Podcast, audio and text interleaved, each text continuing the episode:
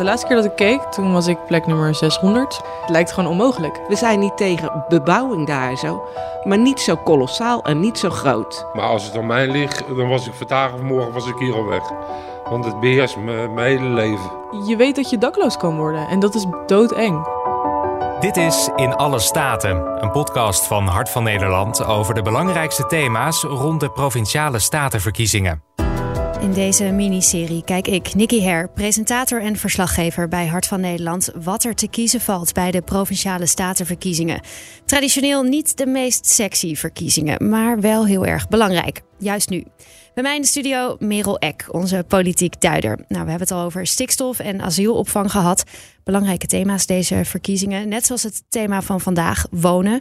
Want Merel, heel veel mensen vinden dit een belangrijk onderwerp, hè? Ja, zeker. Uit ons panel bleek dat één op de vier eh, zegt dat het voor hem of haar speelt. Ook in, eh, in aanloop naar deze verkiezingen toe. En iedereen kent ook wel iemand in de omgeving die al heel lang een huis zoekt eh, en die het niet kan vinden.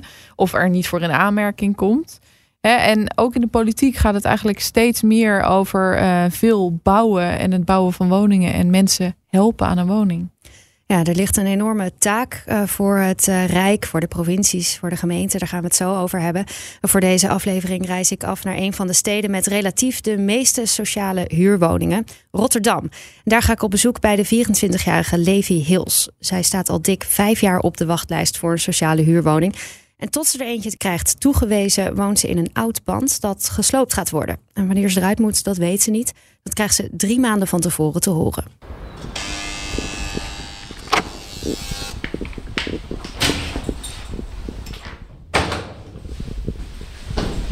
Hallo. Hallo. Ik ben Nicky. Ik ben Levi. Ja, mooi. Kom lekker binnen. Ja, dank je. Sorry voor al die... Uh...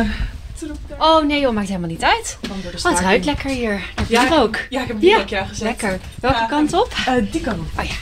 Ben jij meer een bankzitter of een eh, tafelzitter? Laten we aan tafel gaan zitten. Dat is makkelijk met de microfoon. Kijk, de kat komt even buurten. Hallo. Hoe woon jij hier? Hoe zou je het omschrijven? Ik heb een hele grote woning, vind ik, in Krooswijk. En dat is best wel leuk, maar ook best wel moeilijk eh, schoon te houden allemaal. Ja, want hoe, hoe groot is het hier? 97 vierkante meter.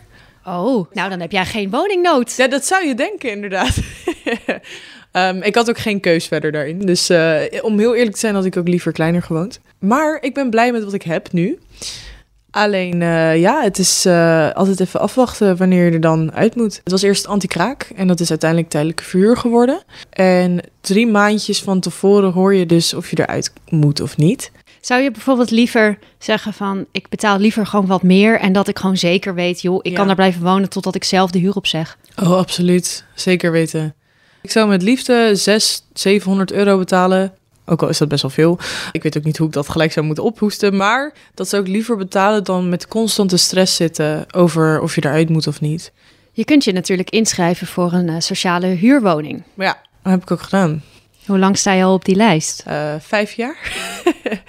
al zo'n vijf jaar, ja. ja dus En, en als je dan, eh, als er een woning voorbij komt, ben je pleknummer hoeveel? de laatste keer dat ik keek, dat is twee dagen geleden. Toen was ik plek nummer 600. Dus, dus het is echt heel moeilijk om ertussen te komen. Ehm, ik probeer het. Al jaren. Maar het is echt, eh, het, pff, het lijkt gewoon onmogelijk. Is het om moedeloos van te worden? Ja, ja zeker. Want het, het is gewoon, je weet dat je dakloos kan worden. En dat is doodeng. Want dat is het laatste wat je wil, weet je wel. Je wil gewoon weten dat je veilig met een dak boven je hoofd kan zitten. En ehm, het is, eh, tijdelijke verhuur klinkt als een leuke oplossing even. Maar eigenlijk zet je mensen gewoon in gigantische stressperiodes in huizen... waarvan je niet zeker weet wanneer je eruit moet. Wanneer je dus misschien wel dakloos wordt. Want met deze wooncrisis is het... Je weet gewoon niet of je een huis kan vinden. En staat je leven dan ook een beetje stil? Ja, ja eigenlijk wel. Ja, ik ben een beetje... Ja, gewoon echt aan het wachten. Dat lijkt me heel gek. Ja, Je wilt toch ook door met je leven? Ja, heel graag. ja. ja, het is best wel lastig. Ik, moet ook zeggen, ik probeer ook niet elke dag eraan te denken. Want dan word je gek. Ehm, maar dat doe ik wel. Bijna wel. Bijna wel elke dag, denk ik.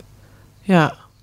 Ja, Levi is zeker niet de enige natuurlijk die uh, in zo'n situatie zit. Zij staat dan vijf jaar op een wachtlijst, maar we kennen de verhalen van mensen die wel acht, negen of tien jaar op zo'n lijst staan. Hoe groot is dat woningprobleem in ons land? Ja, dat is best wel groot. En dat is het al uh, geweest de afgelopen jaren. En, uh, eigenlijk best wel bijzonder. In 2010 werd het ministerie van Volkshuisvesting uh, opgeheven. En de prioriteit leek, leek eigenlijk alleen maar weg te zakken in Den Haag. Terwijl het probleem was er gewoon, werd eigenlijk niet goed gezien. Want waarom werd het opgeheven? Het was niet meer nodig? Nee, dat, dat dachten ze inderdaad. Hè. We, we kennen nog allemaal, denk ik, in 2017 zei uh, minister Blok nog van, van uh, ik ben de eerste VVD'er die een ministerie heeft doen verdwijnen. En uh, ja, het gaat allemaal goed op de woningmarkt. Nou, dat bleek eigenlijk helemaal niet zo te zijn.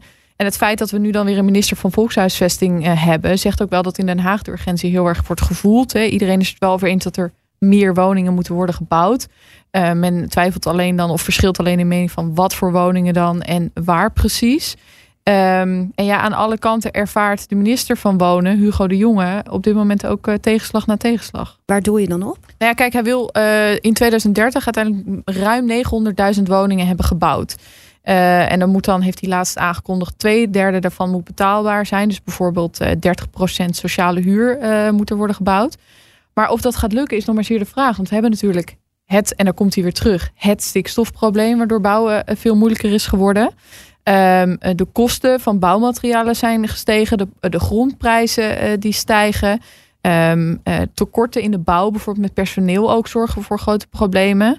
Dus uh, Hugo de Jonge die blijft, zo, zoals altijd, tot bijna het irritante toe optimistisch. Nee, dit gaan we echt nog wel redden en het moet. Ja. Het moet nou eenmaal. En, en hij begint constant over tegenwind en dan moet hij maar harder trappen. Maar of, of hij dat gaat halen, dat is nog maar zeer de vraag. Ja, en de kritiek is inderdaad altijd geweest dat die regie op de volkshuisvesting uh, veel te veel werd, werd losgelaten en overgelaten aan uh, de markt. Verandert dat nu al? Ja, dat lijkt nu wel, uh, dat, dat tij lijkt nu wel te keren. Want het Rijk wil um, meer regie nu gaan nemen op de woningbouw. Die neemt eigenlijk weer de teugels terug in handen. En uh, um, die wil mogelijk zelfs gaan ingrijpen als provincies en gemeenten niet gaan meewerken en aan de eis voldoen die ze opleggen. In heel Nederland zijn de projectontwikkelaars bezig met het bouwen van nieuwe huizen, maar de buurt wordt daar niet altijd goed bij betrokken. In Leidschendam Zuid is het bijvoorbeeld de bedoeling dat er vlak achter een appartementencomplex met veel ouderen een hoge, brede flat komt. Ik ging op bezoek bij Gonnie Wijnen, die daar woont. En zij liet me vanaf het balkon zien wat dat voor haar en haar man betekent. Loop maar mee, dan zie je het. Val niet over het putje hier zo, want het uh, is een klein dingetje. Waar moet die komen dan? Uh... Nou, ze zijn van plan om bij het gebouw wat nu dat witte gebouw is, dat is van haalhout geweest. En vanaf achter gaan ze het bouwen. Over die weg waar die auto nu staat. En willen ze ook dat grasveld gaan doen. En dat wordt ongeveer 80 meter. En vijf etages hoog. Dus hoger als die hoge boom. Dus we komen tegen een hele grote, lange wand aan te kijken. Dat is op ongeveer uh, 20, nou, vanaf, 25 meter afstand? Van mijn balkon af naar dat, dat eerste autootje is het 18 meter. Ja. En want nu, ja, het regent een beetje. Het is een grijze dag. Maar nu kijken jullie wel lekker weg natuurlijk. Ja. Op, op, op, bomen en op wat groen. Ja, en de zon die gaat natuurlijk daarop en die gaat s'avonds daaronder. Dus we raken natuurlijk ook een hoop zonnewarmte kwijt. En nu met de energiecrisis is dat natuurlijk ook een dingetje. En vroeger mochten wij hier zo buren, wilden wat er opbouwen en dat mocht niet. Want de gemeente die was alleen maar dus op, op deze hoogte. En daarom gaan ze daar ze op vijf etages bouwen. Het wordt dan een soort gigantische flat? Of, of ja, waar wordt, kijken jullie straks op uit? We gaan naar een flat kijken met jongeren van 18 tot 28 jaar. Uit de hele regio hier zo. En die mogen er maar vijf jaar blijven wonen. Want dan moeten ze er weer uit. En ze mogen wel blijven ze op de huur, uh, op de inschrijflijst voor een reguliere woning te staan. En wat en, denkt u dan als u ziet hoe hoog dat wordt? Nou, we zijn niet tegen de bouw echt niet, want die jongeren moeten ook wonen. Dat is op zeker en dat gun ik ze ook wel. Maar niet zo hoog en niet zo massaal. Want uh, er wordt ook, en dan hebben we ook nog een dingetje parkeerproblemen. Je ziet het nu, het is nu voor ons doen, is het hier rustig. Maar als er 138 nieuwe bewoners bij komen, waar wil je die dan laten parkeren? Ja. Laten we weer naar binnen gaan, want ja, het regent behoorlijk. En dan gaan we binnen even verder uh, praten. Is goed. Ja, hier horen we dus een uh, gemeente die heeft besloten, nou mooi, hier is wel een plekje en hier gaan we een hoge flat uh, neerzetten. Um, beslissen zij dus over die locaties of heeft de provincie hier ook een rol in? Ja, de gemeenten die beslissen in principe over de locaties. Ze, hebben eh, met elkaar eh, be- bespreken ze hoeveel. Hebben ze ook al met Hugo de Jonge vorig jaar afgesproken hoeveel woningen.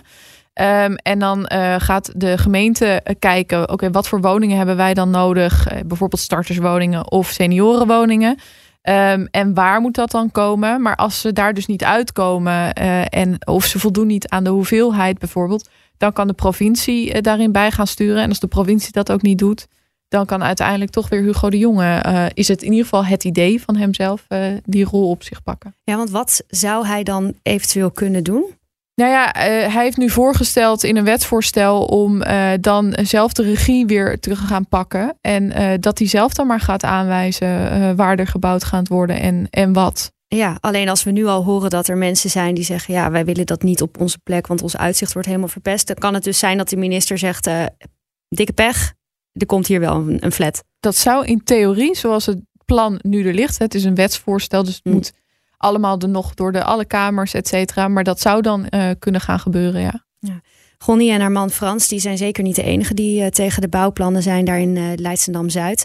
Bijna 600 mensen die zetten hun handtekening onder een petitie om die hoge flat tegen te houden. En bij Gonnie en Frans binnen aan tafel merk ik hoeveel impact de bouwplannen hebben op hun leven. Ja, loop maar toe. Oh, Ja, even voet, nee hoor, dat hoeft niet. schoenen vegen. Kijk eens wat een mooi huis we hebben. Het vloer en ertegen.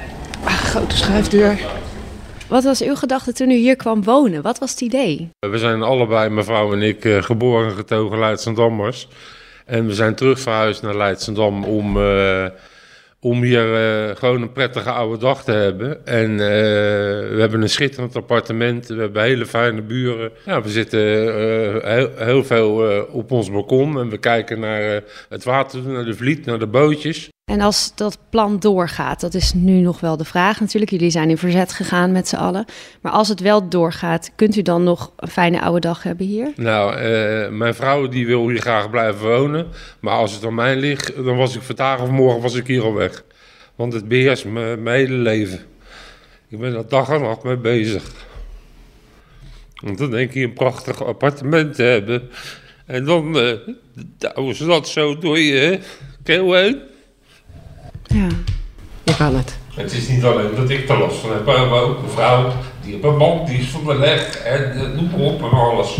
ja, want als ik dit zo zie, dan heeft het gewoon heel veel impact op jullie leven. Jullie, jullie gaan hiermee naar bed en jullie staan ermee op. Zeker weten. We zijn daar altijd mee bezig. Als je naar buiten kijkt, zie je die puist die ze daar van plan zijn om te bouwen.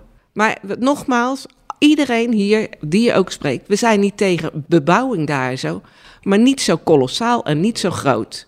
Twee hoog, acht meter zouden wij, eh, daar hebben wij echt, dan, dan hoor je niemand meer mopperen. Want er is natuurlijk hier in heel Leidschendam en ook in eh, Zuid-Holland een woningprobleem.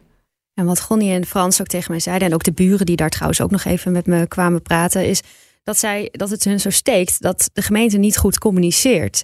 En als ik jou dan hoor zeggen dat nou misschien de minister wel eh, kan overrulen en kan bepalen dat ergens wordt gebouwd, dan wordt het met die communicatie niet beter, denk ik. Nee, dat, dat is natuurlijk het pijnlijke. Hè? Als jij eh, eh, bijvoorbeeld inderdaad je mooie appartementje betreedt of koopt.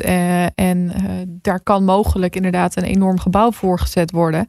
Dat wil je wel van tevoren weten. En, of in ieder geval goed overleg. En dat is wel natuurlijk wat ook Hugo de Jonge zegt. En andere bestuurders altijd. We willen het zo in zo goed mogelijk overleg doen.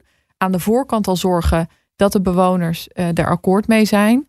Um, maar als je dit zo hoort, dan denk je dat het toch wel echt ergens mis is gegaan, inderdaad. Zie je vaker dat de buurten nieuwbouwprojecten tegenhouden? Want je zou ook denken, goh, we hebben woonnood. Het moet natuurlijk gebouwd worden. Ja, nou, dat, het is een doorn in het oog van Hugo de Jonge.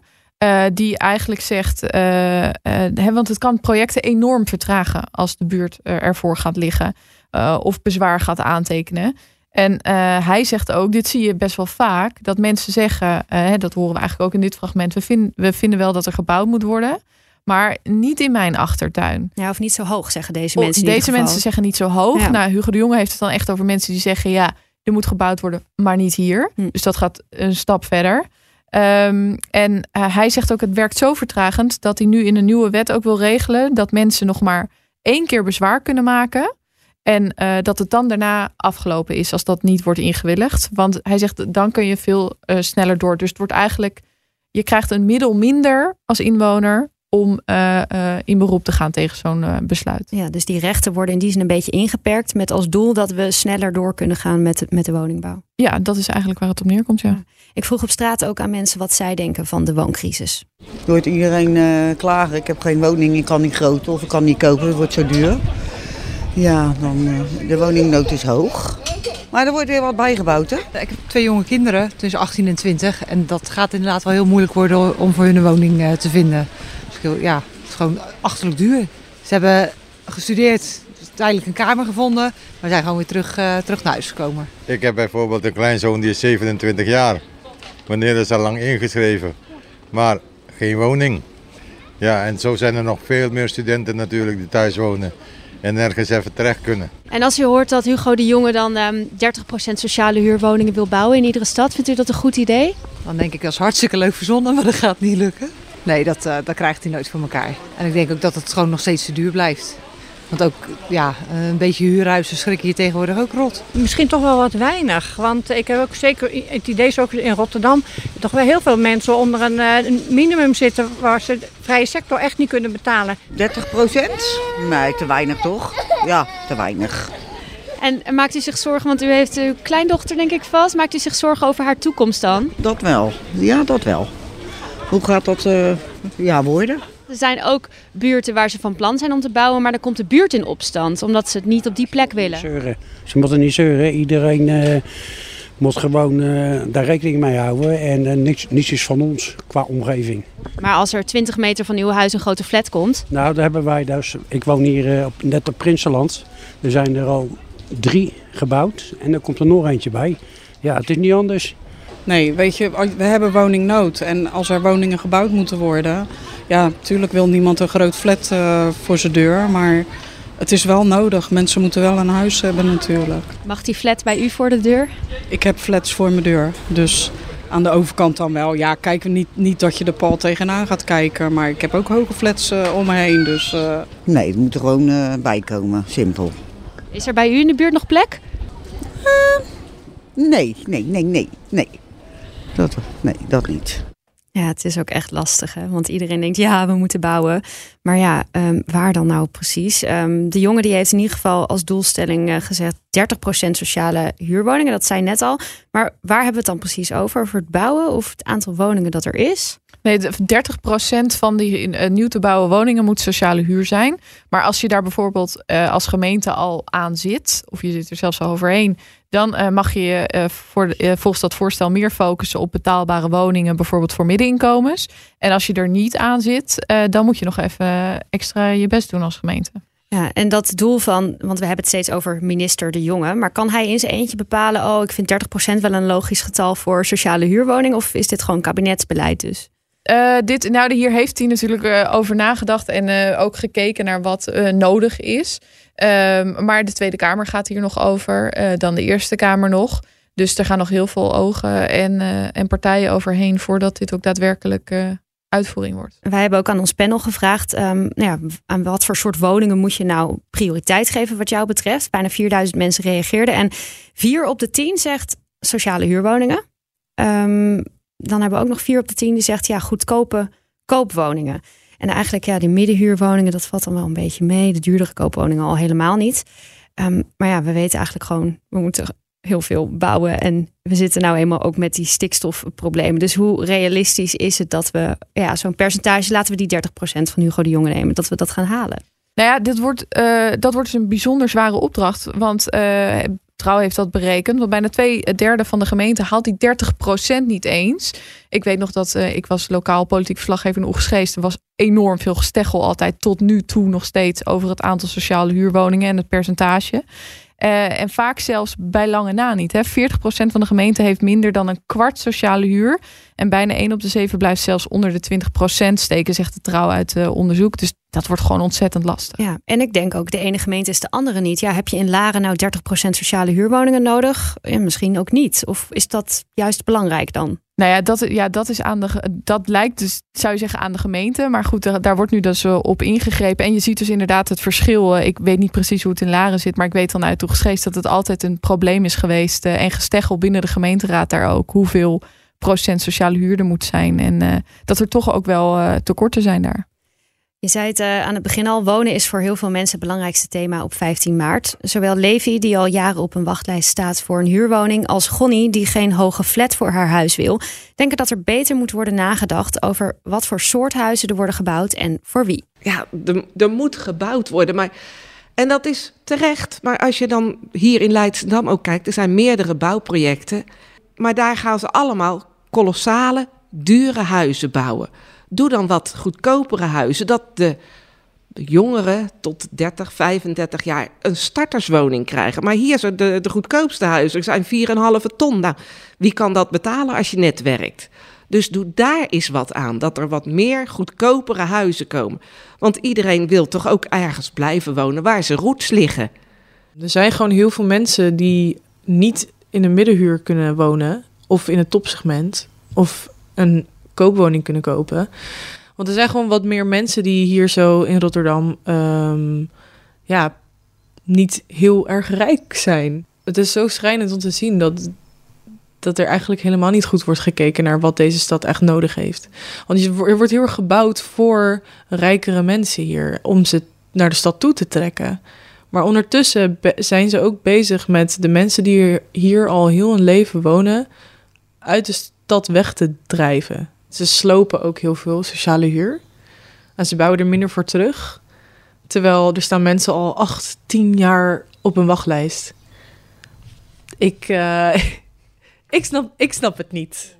En wat valt er dan te kiezen als we het over dit thema hebben? Want wie wil welke woningen bouwen? Ja, nee, dat is, kijk, het verschil tussen partijen zit hem vooral in de rol van de provincie. Mag de provincie gemeente dwingen woningen te bouwen? Mag de provincie bepalen waar die woningen komen? Uh, een ander verschil is uh, tussen partijen, vooral links, die vinden dat er veel sociale huurwoningen gebouwd moeten worden. Tegenover partijen, vaak rechts, die zeggen: Nou, deze provincie is vol, bouw maar lekker ergens anders. Of waar die woningen dan uh, naartoe moeten gaan. Hè. Bijvoorbeeld een, een stelling in het kieskompas is. Uh, of de provincie moet zorgen dat haar eigen inwoners in de gemeente voorrang hebben op een woning, ja of nee. Dat is ook een verschil tussen partijen. Dus in plaats van asielzoekers bedoel je? Uh, bijvoorbeeld, ja, statushouders die nu voorrang krijgen op een woning, uh, moet dat wel zo blijven. En uh, ook een, een, duidelijk verschil in partijen is bijvoorbeeld of ze binnenstedelijk willen bouwen. Dus dan ga je vooral de lucht in. of dat ze buitenstedelijk gaan bouwen, zoals het groen in.